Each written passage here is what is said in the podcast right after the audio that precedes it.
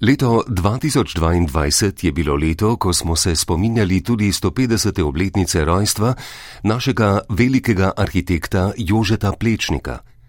Veliko je seveda bilo govora o njegovem delu, o dosežkih njegovih arhitekturnih del.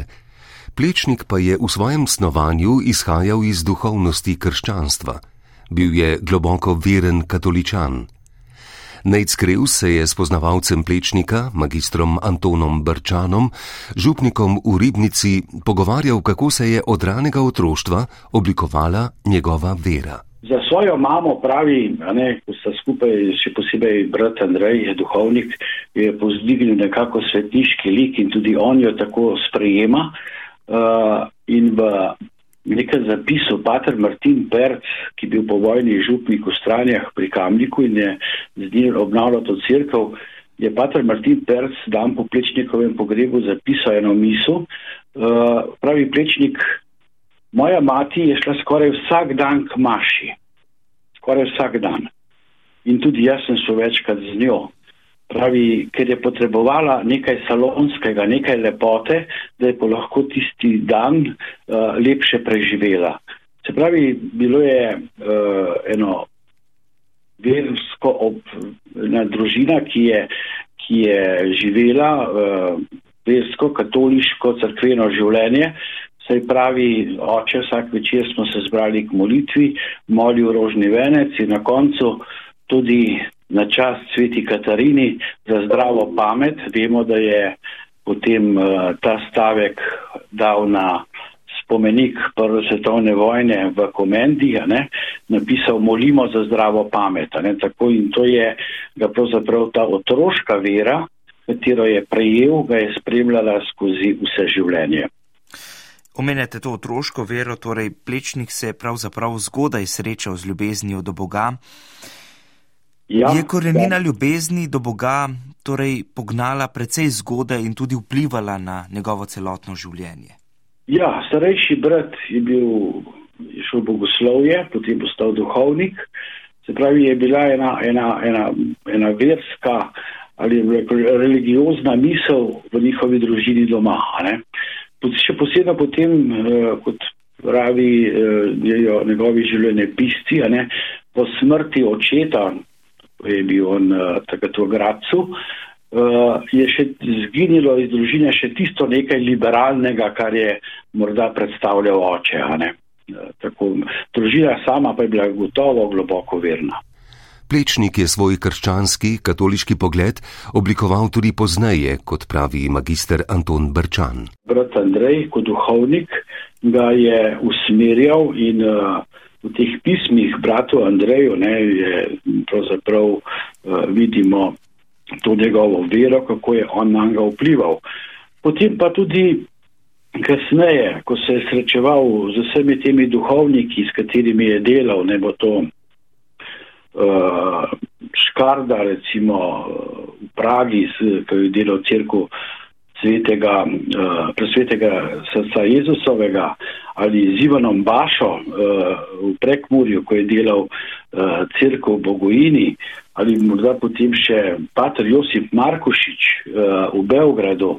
To so bili uh, možje, duhovniki, trdne vere in ob njih je tudi njegova vera nekako rasla in se poglabljala in nekje dobiva v teh možeh potrditev uh, te svoje usmerjenosti. Leto 2022 je bilo pomembno tudi za evangeličansko crkvo v Sloveniji, saj so 2. februarja obeležili stoletnico svoje samostojnosti, seniorata.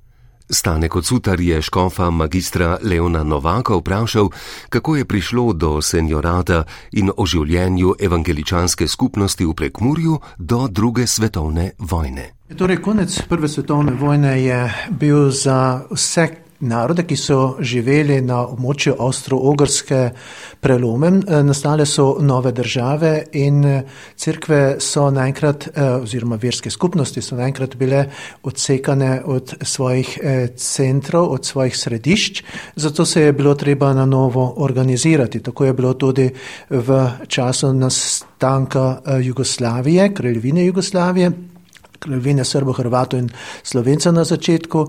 Problem je nastal ne samo pri prekmorskih evangeličanih, ampak pri evangeličanih, ki so živeli na celotnem območju te države, torej kraljevine Jugoslavije. Tako nemško govoreče evangeličani, slovaško govoreče evangeličani, mačarsko govoreče evangeličani in pa seveda prekmorci so se morali na novo organizirati.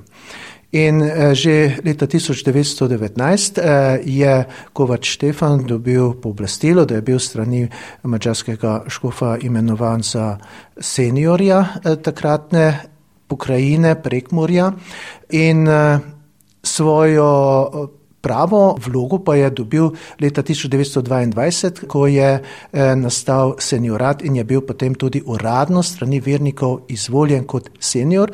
In na takrat naprej je Štefan Kovač vodil eh, to območje kot senior evangeličanov, ki so živeli tukaj na prekmorskem pomorskem območju.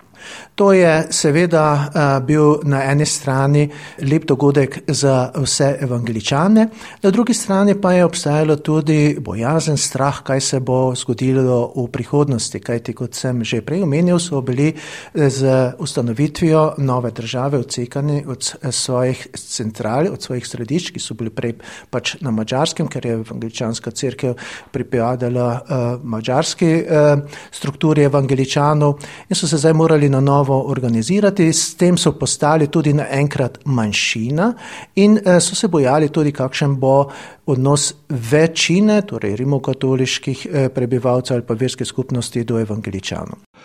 Pomembno ime v strukturi evangeličanske cerkve tistega časa je industrijalec Josip Benko, ki je bil leta 1927 izvoljen za župana Murske sobote in tri leta kasneje imenovan v prvo sestavo banskega sveta Dravske banovine.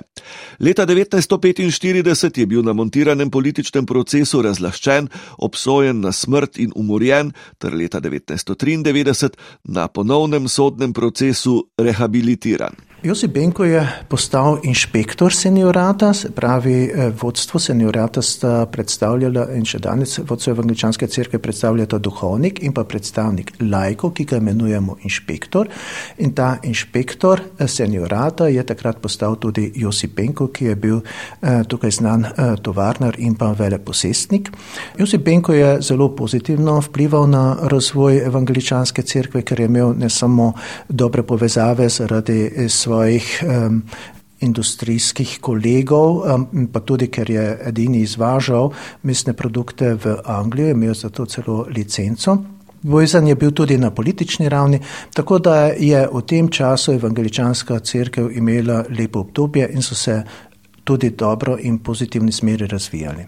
In kakšna je bila sploh organiziranost evangeličanske crkve med obema vojnama pri nas? Torej, evangeličani so se priključili eh, nemški evangeličanski cerkvi, ki je bila ustanovljena v času kraljevine Jugoslavije, kajti eh, eh, nemški evangeličani so jim zagotovili samostojnost, eh, tudi posebnost, da so lahko uporabljali svoj prekmorski jezik pri veroku in pri bogoslužjih, zato so se jim priključili. Na drugi strani je bilo to tudi eh, najbolj praktično, kajti celje, Maribor, eh, Ljubljana, Šentil in druge nemško govoreče evangeličane krščanske crkvene skupnosti so bile tukaj v neposrednji bližini, zato so bili združeni v škofijo, ki je nastala leta 1931 in je vodil škof dr. Filip Pop. Evangeličanska crkva je poskrbela tudi za založniško dejavnost. Novembra leta 1971 je začel izhajati mesečnik Evangeličanski list, kot pojasnjuje njegova urednica, dr. Klaudija Sedar, pa je to glasilo imelo tudi svoje predhodnike. Ta publicistika je izhajala v prekmorskem jeziku in v prekmorskem črkopisu tako vse do leta, de, konca leta 1931, ko je črkopis zamenjala Gajca. Zdaj, če uh, malo pogledamo širše, dejansko je prišlo do združitve te norme že leta 1913, vendar pa so evangeličani sledili tej svoji jezikovni protestantski tradiciji in tudi ohranjali to, ter se tako tudi zauzemali za skrb za prekmorski jezik, zato so tudi tako ustrajali pri prekmorskem jeziku in seveda tudi črkopisu. Potem po letu 1941 je sicer Gajcu spet zamenjal prekmorski časopis, ampak zatem sta tako duševni list kot uh, evangeličanski kalendar prenehala izhajati uh, torej v začetku druge svetovne vojne. Po koncu druge svetovne vojne je bilo za evangeličansko skupnost nekaj let težko zaradi represije tedanje oblasti in razpada prejšnjega sistema, vendar je evangeličanska skupnost delovala naprej, kot je povedal evangeličanski škof, magistr Leon Novak.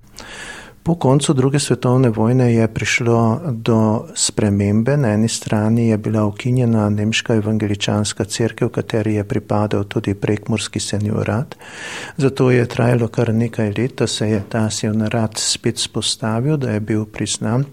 In potem leta 1977 je dobil tudi svojo ustavo in statut, na podlagi katere je potem tudi deloval, kjer je bilo določeno, kdo pripada evangeličanski cerkvi, torej vsi tisti, ki so krščeni v evangeličanski cerkvi, da evangeličansko cerkev vodita duhovnik in pa inšpektor, da sta predstavnika evangeličanske cerkve senior in pa predstavnik lajkov, torej senioratski inšpektor, da se cerkev financira s tem, da pobira pri svojih eh, vernikih prostovoljne prispevke, da skrbi za versko zgoj svojih otrok, otrok, torej kot verok, da izdajo publikacije, kot so učbeniki za verok, katekizmi, potem evangeličanski list, koledar in tako naprej.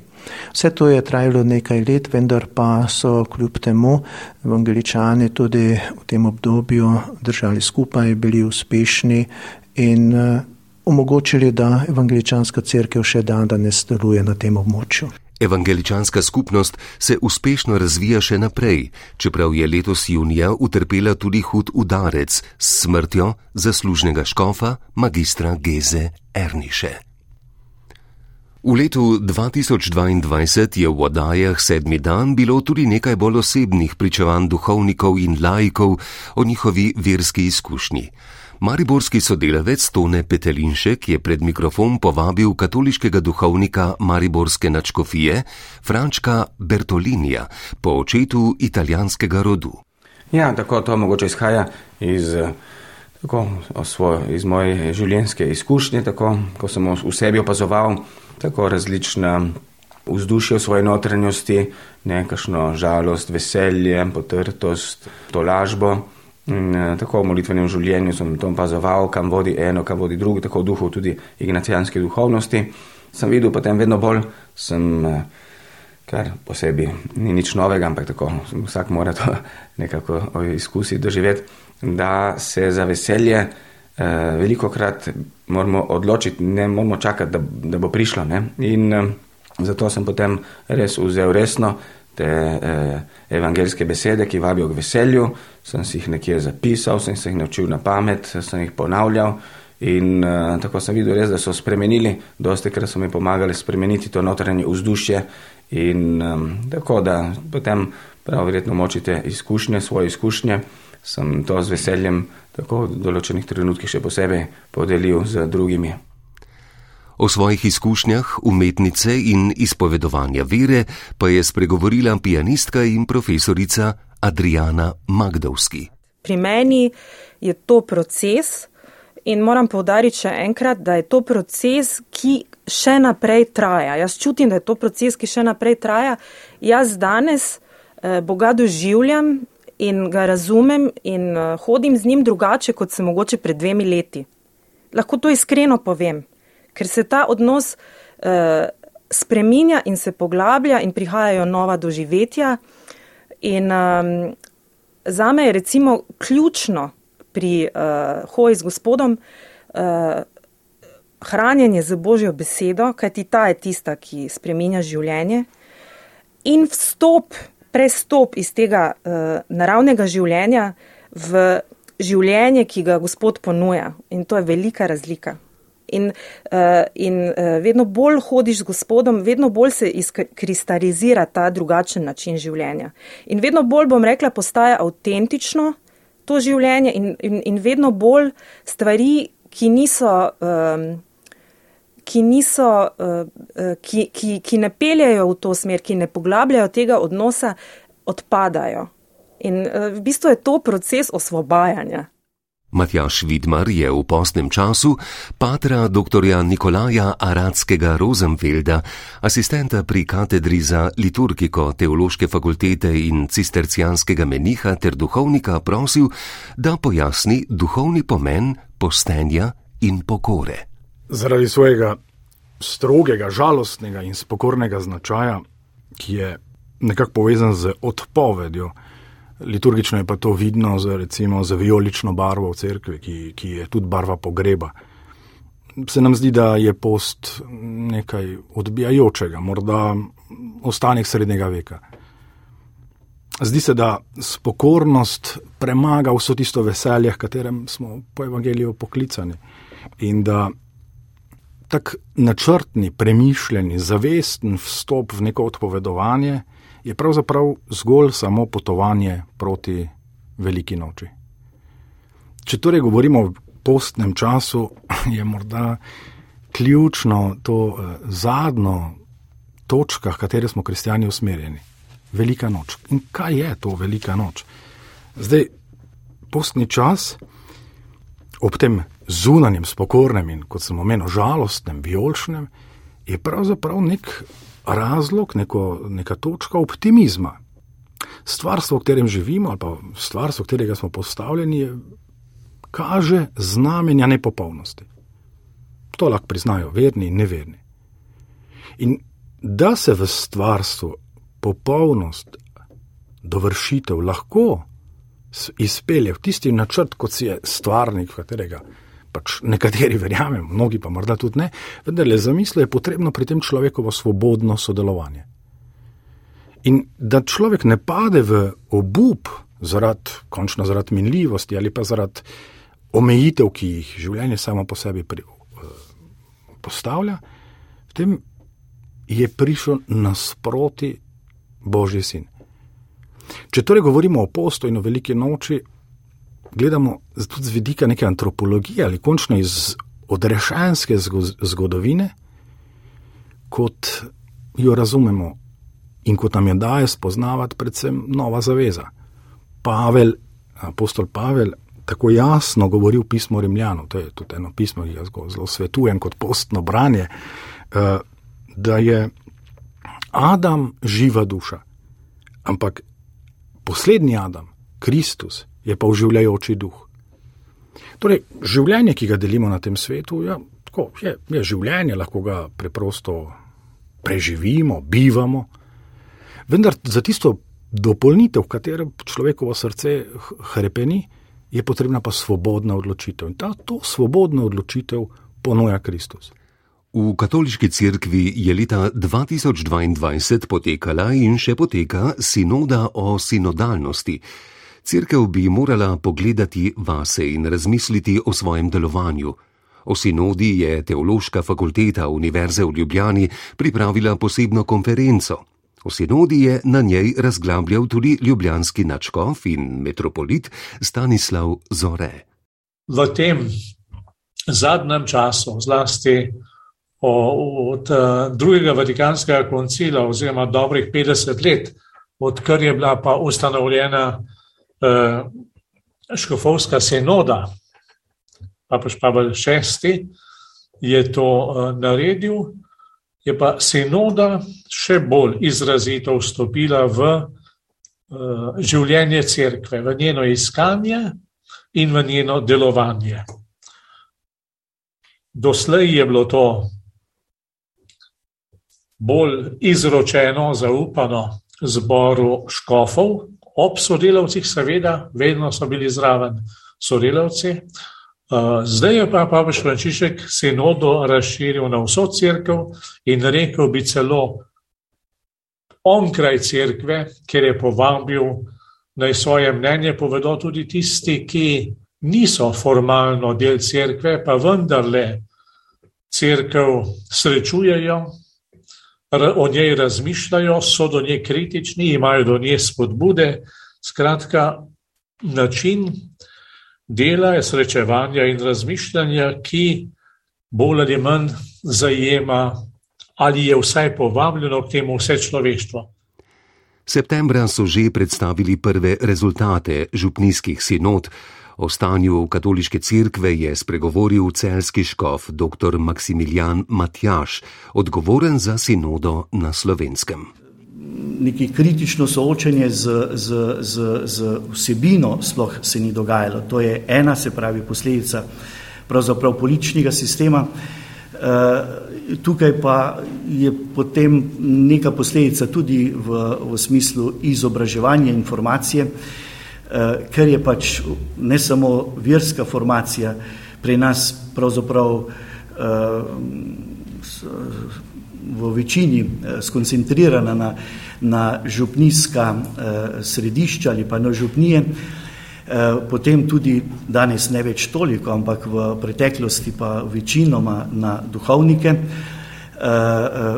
in pa potem na lajke, ki postopoma recimo dobivajo tudi izobrazbo, pa vendarle je, je tako splošna teološka, crkvenostna izobrazba eh, tudi med božjim ljudstvom ali pa v, v, v kulturi, v, v, v narodu v Sloveniji pravzaprav ni tako zavidljivo visoka. E, in zato mm, smo se soočili, smo, smo, smo trčili z, tudi zdaj s to odkritjem, da je pravzaprav problem klerikalizacije e, ni samo v, v, v, v mentaliteti eh, poklicne, kleriške cerkve, kakor smo včasih rekli, ampak eh, tudi v, v, v, v strukturi božjega ljudstva, se pravi virnikov. Klerikalizacijo, pod klerikalizacijo mislim predvsem to, ali da imamo tukaj zelo jasno strukturo, nekdo nekaj reče in ti to izvršiš, ali pa da smo tako bolj res hierarhično organizirani. Po eni strani tako imena ljudska klerikalizacija se pa kaže seveda v tem, da pač o vsem uh, naredi, odloča drug, ne jaz, ne uh, zdaj ali tisti, ki je mežnar, v, da ostanem pri lajških strukturah, ali tisti, ki je, uh, ki je katehist, njega se to tiče, ali pa predvsem duhovnika. Ne? Tako da od uh, skrbi za crkve do, do, do tudi oznanjevanja nauka so, se pravi, vse, vse oči so uprte v, v, v gospoda, po domače rečeno, in potem, uh, uh, potem, kar se bo skupaj sklenilo, tako bomo tudi delovali. Se pravi, ta mentaliteta, ta vzdušje, ki zdaj počasi seveda uh, se spreminja, je pa v, v, v naših strukturah še precej močna in uh, temu lahko rečemo tudi potem tradicionalna vera. Za konec pa pojdimo še do vrelca modrosti, tudi za te današnje težke čase, do starozaveznega judovskega kralja Salomona. O njegovi modrosti je Nejc Krevs spraševal akademika, večkratnega doktorja Jožeta Krašovca. Najbolj uh, pogosto se povdarja v zvezi z njim v teh tekstih na začetku prve knjige kraljev, da je bil moder. In uh, mogoče preberem en odlomek o tem, tukaj v petem poglavju beremo, Bog je dal Salomonovo modrost in izredno bistro umnost in širino duha, kakor si pine ob morskem obrežju. Podarek je na tem, da mu je Bog dal modrost. Salomonova modrost je presegala modrost vseh sinov vzhoda, in vso egiptovsko modrost.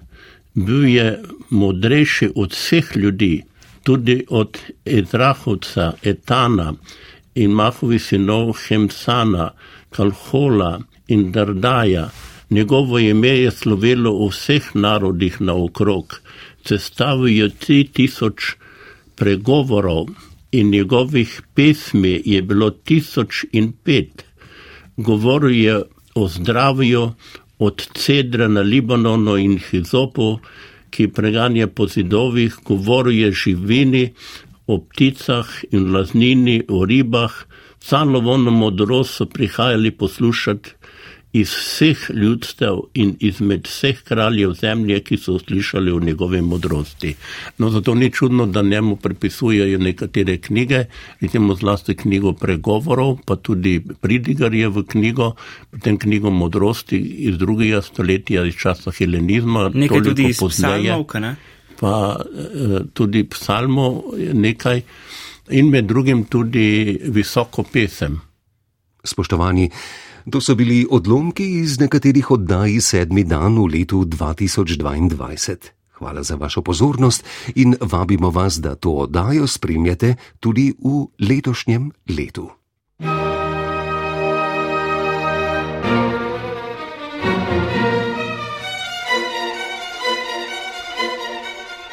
Sedmi dan.